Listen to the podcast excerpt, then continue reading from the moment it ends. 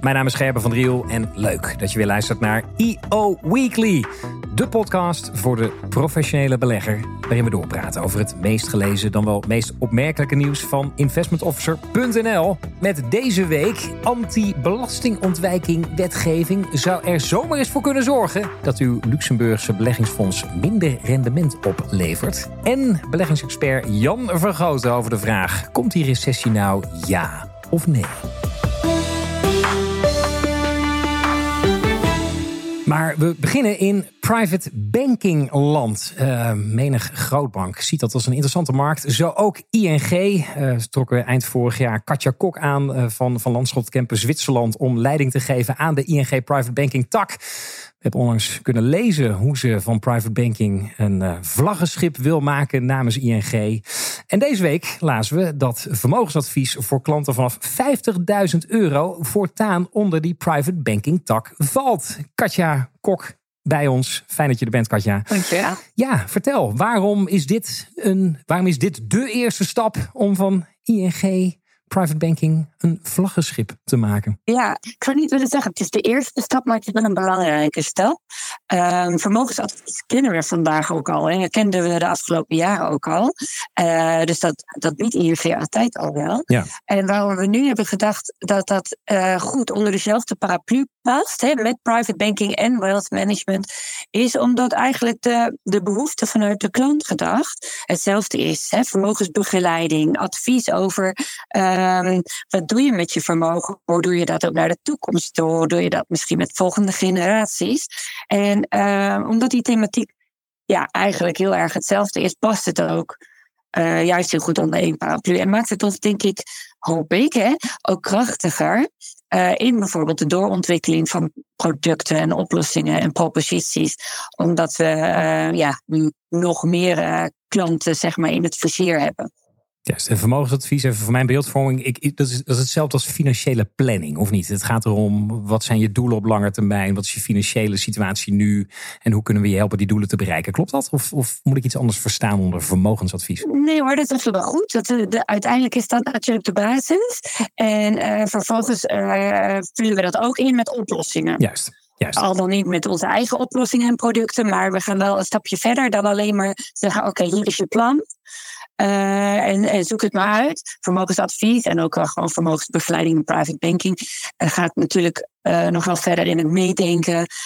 Oké, hoe kun je dan zorgen voor, voor je vermogen, voor rust en comfort daarin. En daar hebben we onze expertise voor natuurlijk. Juist. Nou sprak ik onlangs uh, je voormalige collega's van Van Landschot Kempen. Die uh, lanceren allerlei spannende ja, toegang tot alternative investments. Hè, om een private banking aanbod interessanter te maken voor die vermogende cliënten. Um, ja, ik weet niet. Dat, dat, dat, vond ik heel spannend. Dit, dit lijkt een beetje op, ja, hoe zeg je dat? Private banking vooral heel toegankelijk maken. Het is een andere route, lijkt het. Klopt dat? Ik denk wel dat je moet zeggen, het is een andere route. Omdat, en dat past denk ik ook bij ING. Hè. Wij zijn zo'n brede bank. Mm -hmm. um, klanten bankieren al bij ons vanaf geboorte, zeg maar. Hè? Met de, ja. uh, voor, ik vroeger met de postbanken en dan de Giro Blauw. En, en zo groeien wij mee met onze klanten. um, maar wel tot op het niveau dat uh, wanneer je dan vermogend wordt, ergens in het leven, uh, private market proposities aantrekkelijk zijn. En ik denk dat wij dat net zo goed als partijen als Van ons wat Kempen ook bieden mm-hmm. en naar de markt brengen, maar altijd wel kijken hoe kunnen we daar zoveel mogelijk van onze klanten mee van dienst zijn.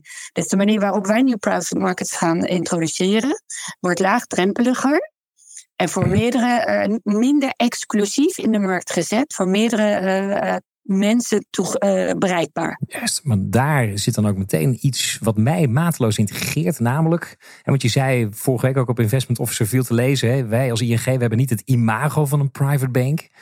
Om dat imago wel te creëren in de markt, zou ik denken, moet je juist exclusiever worden. Terwijl jullie juist voor de toegankelijkere route gaan. Hoe dat zit, daar ben ik toch even benieuwd naar. Ga ik je straks, wil ik daar graag met je verder over praten. Eerst gaan we naar Luxemburg, want daar is toch wel de nodige onrust uh, in de financiële sector al daar. Over uh, nieuwe belastingwetgeving die, uh, die eraan dreigt te komen. ter voorkoming van belastingontwijking of ontduiking.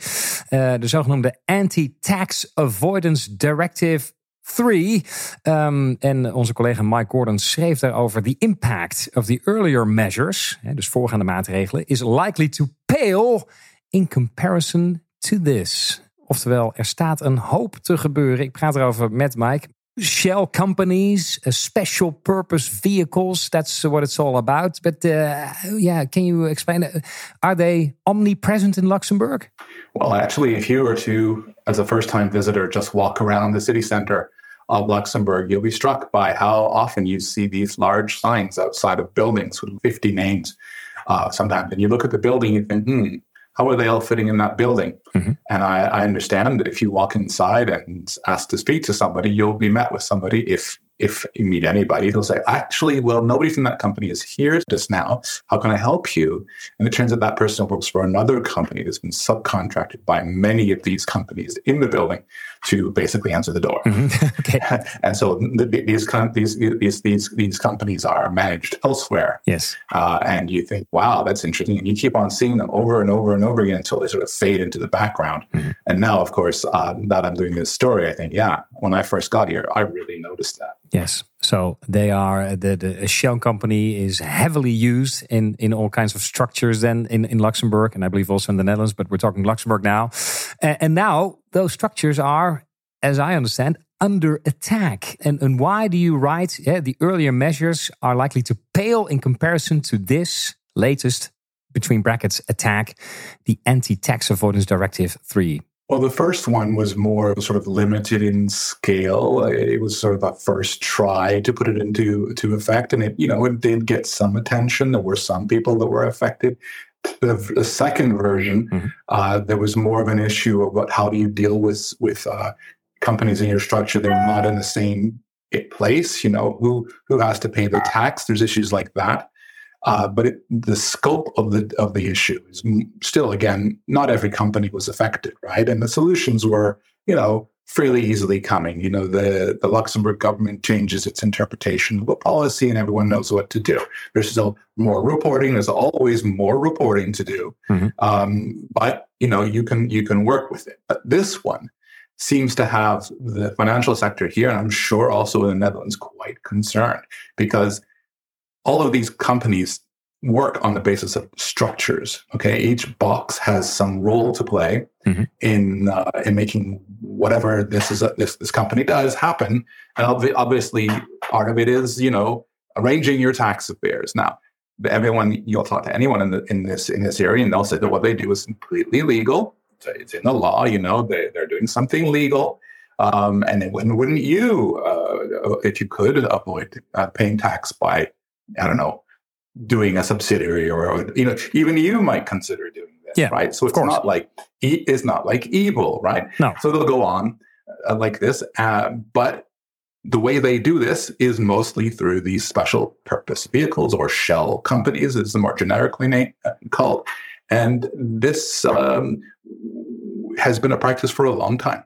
Yeah, but now I understand under uh, ATAD 3, right? And now uh, the authorities uh, will start to impose like rules like you have to have at least one uh, one person on the payroll that resides in the country where the shell company is based.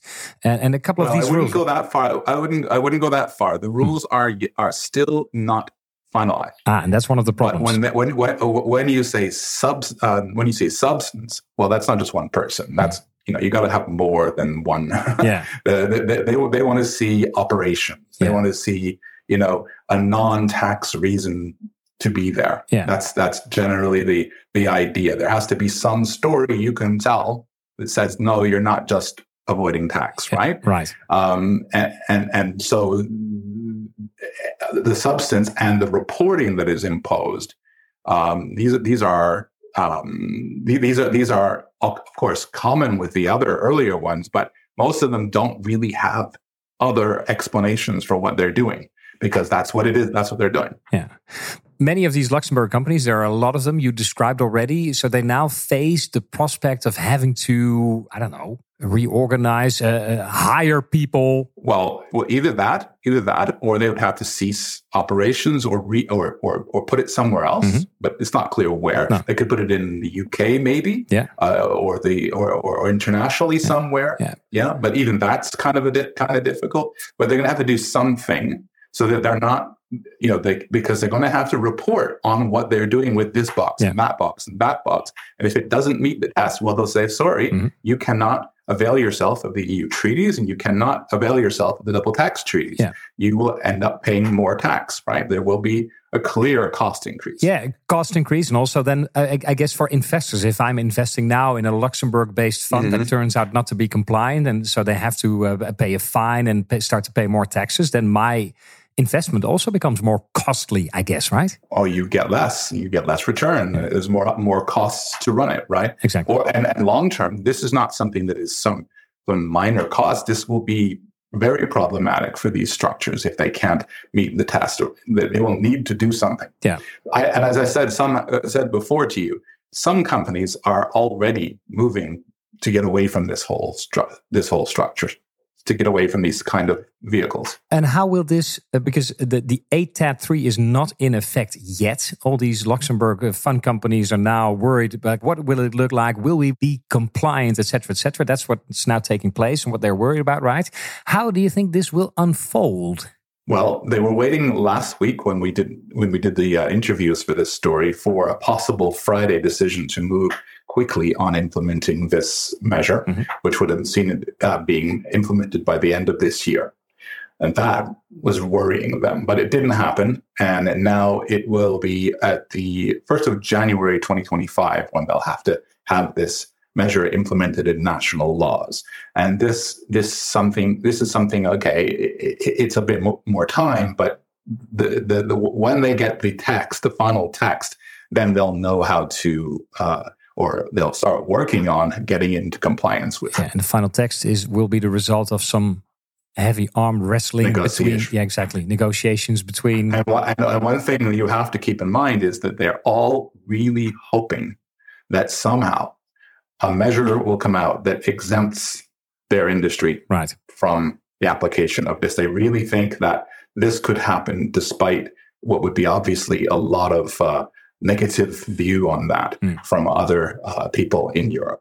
Right. Okay, thank you very much, Mike, for your uh, explanation. Ja, over zaken die ons boven het hoofd hangen gesproken. Uh, er is nog iets anders wat boven de markt hangt, namelijk recessie. De ja, de nee. Uh, vorige week op investmentofficer.nl schreef Han Dieprink nog... Uh, er komt zeker weten geen recessie in 2023. Deze week komt in België Jan Vergoten, voormalig hoofd beleggingsstrategie bij Belfius en tegenwoordig oprichter van Investment Talks, met zijn visie op de markt. En die is daarin in mijn ogen een stuk genuanceerder. Meneer Vergoten, u eh, bent bij ons. Fijn dat u er bent. Um, ja, recessie. Han Dieprink zegt, hij komt er niet in 2023. Hoe kijkt u daarnaar? Ja, maar het is duidelijk. Er zijn vandaag uh, twee kampen. Pro-recessie, tegen de recessie. Uh, laten we zeggen, als inleidend concept verwijzen veel mensen naar de verschillen op de rentekurve. Mm Twee jaar, tien jaar. Maar blijkbaar is het renteverschil tussen drie maanden en tien jaar een zeer goede voorspeller van een recessie. Wel nu, als u de laatste 40 jaar bekijkt, die staat op een verschil van 1,6 procent. Dit zal blijkbaar toch een zeer grote indicator zijn voor uh, recessie. Nu, uh, de mensen, laten we starten met de mensen die zeggen geen recessie. Wat zijn daar de argumenten? En ik verwijs bijvoorbeeld naar professor Harvey van de Duke University, eigenlijk ook naar Waller van de Fed. Die, die mensen wijzen op de zeer sterke jobmarkt. Dus er mag vanuit de Fed een plantje bijgestoken worden. Er is nog werkelijk veel reserve. Die verwijzen bijvoorbeeld ook naar de dalende inflatie. Die zeggen ook, de kerninflatie die zal meedalen. Mm Die zeggen, ja, luister, zie wat dat er gebeurd is met de banksector. Dus daar nog dan de bijsteken is contraproductief. Ondertussen zien we dat de aanvoerende aanbodlijnen uh, kalmeren. Er is nog cash bij de consumenten. Ja, natuurlijk, het tegenkant die zegt helemaal dat cash, uh, dat zal einde dit jaar opgeconsumeerd zijn. We zien ondertussen ook nog de FED-implicaties op de rentemarkt. Er is de zero huurindex, die toch wees op een daling van de huurprijs. Maar natuurlijk, daar is de reactie van de FED, ja, maar pas op, dat is met een vertraging van 12 maanden. Mm nu, hoe dan ook, bijvoorbeeld iemand die pro uh, geen recessie zit, dat is Goldman Sachs, die zeggen er is maar 25% kans op een recessie. Welk kamp zit u dan, meneer Vroot? Want bijvoorbeeld net ook over die inverse rentecurve. Daarover schrijft Han Dieperink, joh, ja, hoeveel waarde moeten we daar nog aan hechten aan het voorspellend karakter van die rentecurve? Want sinds 2008 wordt die, naar zijn zeggen, volop gemanipuleerd door de centrale banken. Uh, hoe, waar staat u in dit kamp?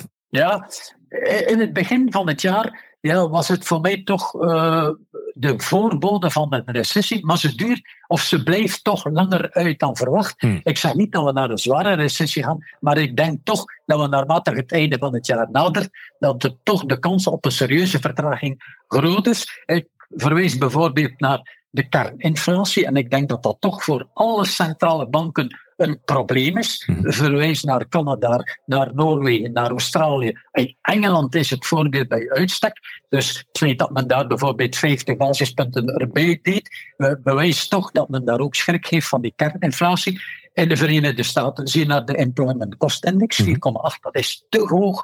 Uh, werkloosheidsaanvragen beginnen te stijgen. Ja. Uh, de quantitative tightening, die is er nog altijd, 95 miljard per maand. Dus, en voor mij nog een belangrijk argument, professor Hills, X, die verwijst naar de verkoop van vrije tijdsvoertuigen. Voor hem is er blijkbaar toch een significant verband met recessie-indicatoren. Dus ik denk toch dat we richting serieuze vertraging ja, we kunnen discussiëren over zware recessie of lichte recessie. Wellicht zal het geen zware recessie zijn, mhm. want de cijfers zijn daarvoor te goed. Maar ik denk dat we toch naar een vergroeivertraging afstevenen. Ja. Volgt dat dan ook een duidelijke uh, richtlijn uit voor beleggers? Hè? Waar moeten we naartoe? Uh, hoe moeten we ons uh, gaan hoeden voor die recessie? Heeft u daar een duidelijke visie op?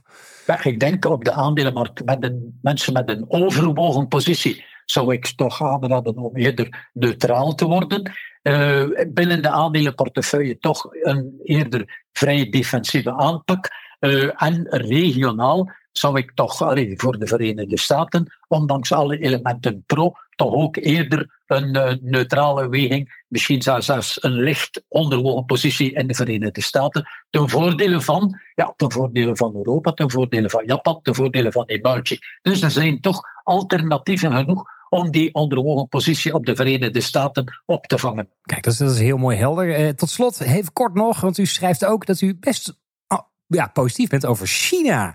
Dat veel, verbaast mij, want ik heb recent ja, regelmatig mensen gesproken die zeggen van nou, China, lange termijn. Ziet er moeilijk uit. Uh, nou ja, vastgoedcrisis, uh, vergrijzing. Nou ja, de Chinese machine stokt, was mijn persoonlijke conclusie. Maar nu lees ik dat u zegt, nou, China Ziet er goed uit. Waarom is China toch interessant? Ja, mijn, mijn redenering is, uh, wanneer we zien naar China voor de komende 1 à 2 jaar, mm ik maak abstractie van de lange termijn, want ik weet ook, er is de demografische problematiek. Uh, maar op korte termijn, de komende maanden, denk ik toch dat we de, de impact van de Chinese overheid, bijvoorbeeld op het monetair en op het fiscaal vlak, uh, niet mogen onderschatten. Ik denk dat ze zich maar al te goed bewust zijn van de negatieve effecten die ze zelf gecreëerd hebben vorig jaar met de corona. En nu, ja, men wil ook niet onmiddellijk met een grote bazooka. Ik denk dat men de markt aan het testen is via bijvoorbeeld beperkte monetaire ingrepen. Men is zich ook bewust dat er structureel nog een aantal zaken moeten aangepakt worden. Ik denk bijvoorbeeld aan de gezondheidsaanpak, aan de pensioenen. Bijvoorbeeld ook het openstellen van de markten voor westerse bedrijven. Mhm. ik denk dat er toch een aantal elementen zijn die pleiten pro de Chinese aanpak. Maar mensen, ja, ik denk dat de mensen zich een stuk laten misleid hebben door, ja, China gaat opnieuw open, de grote euforie. Ik heb daar in twee voorgaande teksten op gewezen dat bepaalde mensen, professoren, pleiten voor absoluut geen euforie. Het zal een verhaal worden van vallen en opstaan, maar in een optiek van eind dit jaar denk ik toch dat de Chinese economie een stuk zal herstellen. Juist. Dat, uh, u heeft ons weer stof gegeven tot nadenken. Dank u wel voor uw visie. Meneer Vergoten, uh, voormalig hoofdbeleggingsstrategie bij Belfius, oprichter van Investment Talks. Dank u wel. Eerder deze podcast eh, sprak ik met Katja Kok, uh, huidige hoofd private banking ING. Ehm, en zij vertelde over hoe vermogensadvies voor klanten vanaf 50.000 euro vermogen voortaan onder private banking valt. Enerzijds is er dan de ambitie om ja, als ING private banking sterker in die markt te komen te staan. Mijn aanname is dan, dan moet je het juist exclusiever maken. En het tegendeel blijkt of lijkt dan waar. Katja, uh, ja, begrijp je mijn twijfel hierin? Hoe, hoe kijk je er tegenaan? Ik begrijp het heel goed, ja. En ik, uh, dit is in, inderdaad het interessante thema. Um, hè, qua merk, uh, ook bij vermogende mensen in Nederland, 99,9% merkbekendheid. Hè, dus iedereen kent ons. Um, maar dan als je kijkt wie overweegt in private banking, wanneer ze op zoek zijn naar een private bank of denken dan aan ons, dat is echt een heel stuk minder. Dus mijn ambitie mhm. is wel om, om ook zeg maar private banking bij ING als keuzemogelijkheid richting die 99% te, te krijgen. Ja. Ik vind het juist heel mooi uh, dat wij de inclusieve bank zijn. We hebben met, met wholesale banking zelfs 100% marktaandeel. Dus we zijn er vanaf uh, de eerste financiering van een ondernemer. Tot en met het moment en ook daarna dat hij het bedrijf verkoopt, overdraagt aan een volgende generatie. We zijn er op al die momenten in het leven. En dat is dus een heel inclusieve benadering. Juist. Je kunt niet pas bij ons terecht wanneer je al dik vermogend bent. We zijn er al voor die tijd. En we kunnen dus ook voor die tijd meedenken met onze klanten. En uh, daardoor ook, denk ik, hoop ik, beter adviseren. Omdat we je kennen en begrijpen waar je vandaan komt. Maar is het dan ook zo dat je bijvoorbeeld nu bewust uh, afscheiden... Want je zou kunnen denken, nou, je, hebt bijvoorbeeld een van Landschot Kempen... en allerlei van die exclusieve private banks. Dan wil je misschien marktaandeel van kapen. In mijn beleving laat je dat nu een beetje los... Uh, door het inderdaad zo toegankelijk te maken. Want mensen die hechten aan exclusiviteit of een bepaalde drempel, ja, die zullen niet zo snel verleid worden, denk ik, om naar ING te gaan. Dat is toch een beetje de.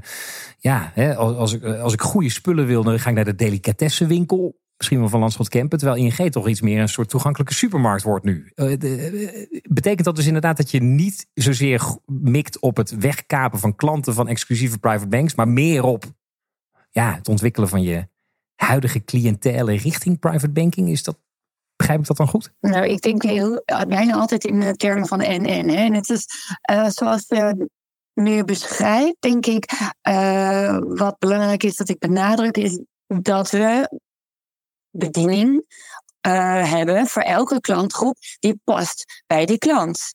Uh, dus mm -hmm. dit is niet één supermarkt en one size fits all. Uh, not at all, zou ik willen zeggen. Okay. Um, vermogensadvies, zeg maar, voor de beginnende vermogende is anders dan uh, iemand die, die al uh, heel vermogend is en andere complexiteit en vraagstukken heeft. Dus onze dienstverlening is daar heel erg op aangepast, zeg maar. Wealth management is iets heel anders dan vermogensadvies. Het valt alleen onder dezelfde paraplu. En daar waar synergieën te bereiken zijn, die gaan we zeker nastreven. Juist. Ja, goed. Ik kan me ook wel voorstellen, langs de andere kant, eh, als je nu een ondernemer hebt die maar 50.000 euro op zijn bankrekening heeft staan, maar wel een miljoenenbedrijf runt. Ja, vroeg of laat gaat hij dat natuurlijk een keer verkopen. En dan wil je al aan boord zitten. Precies. Dat is het sterke, kan ik me voorstellen, van deze benadering. Ja. Um, is het een trendbreuk ook binnen ING? Moet je echt uh, masseren om mensen mee te krijgen in deze beweging? Of zegt iedereen nou, nee, dit, dit is top? Nee, ja, iedereen is echt wel voor. En dat is hartstikke mooi. Uh, die support is er vanaf de management board tot op de vloer. Mm -hmm. um, ik denk ook dat, dat um, de focus de afgelopen jaren ook erg is geweest op het um, verbeteren, zeg maar, en echt voorlopers zijn op digitaal vlak. Mm -hmm. misschien wat meer dan dat we zichtbaar waren als private bank. Maar de combinatie is juist uh, fantastisch, vind ik. He, die digitale basis is ook voor vermogende uh, klanten heel belangrijk en uh, waardevol.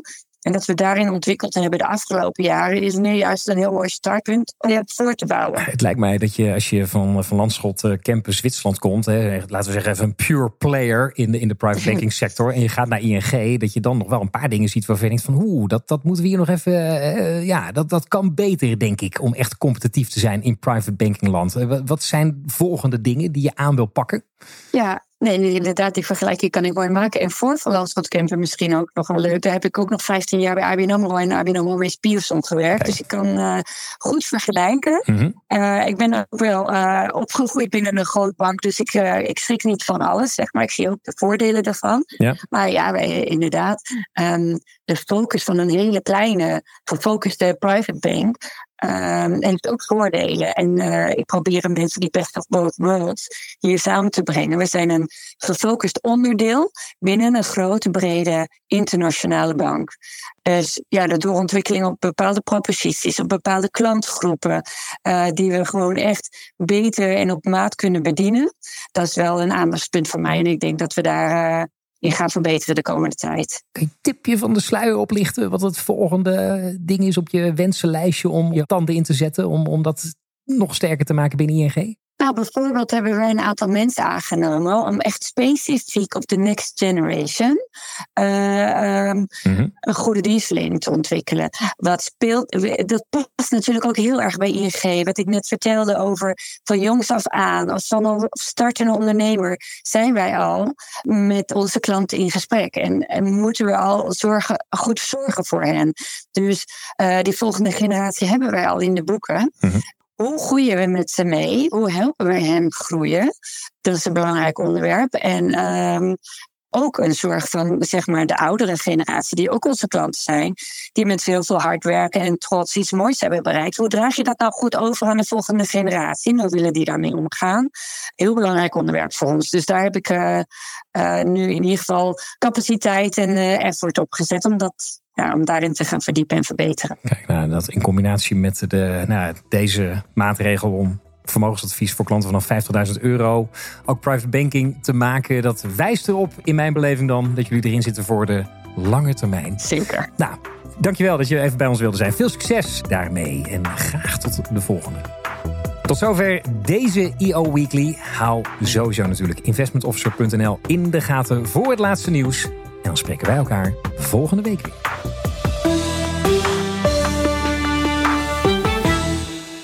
Deze podcast is mede mogelijk gemaakt door State Street Spider ETF's, aanbieder van de meest liquide ETF ter wereld. Let op, beleggen is onderhevig aan risico's en kosten. In het verleden behaalde resultaten bieden geen garantie voor de toekomst. Lees altijd de essentiële beleggersinformatie. Ga voor meer informatie naar ssga.com forward slash ETF's.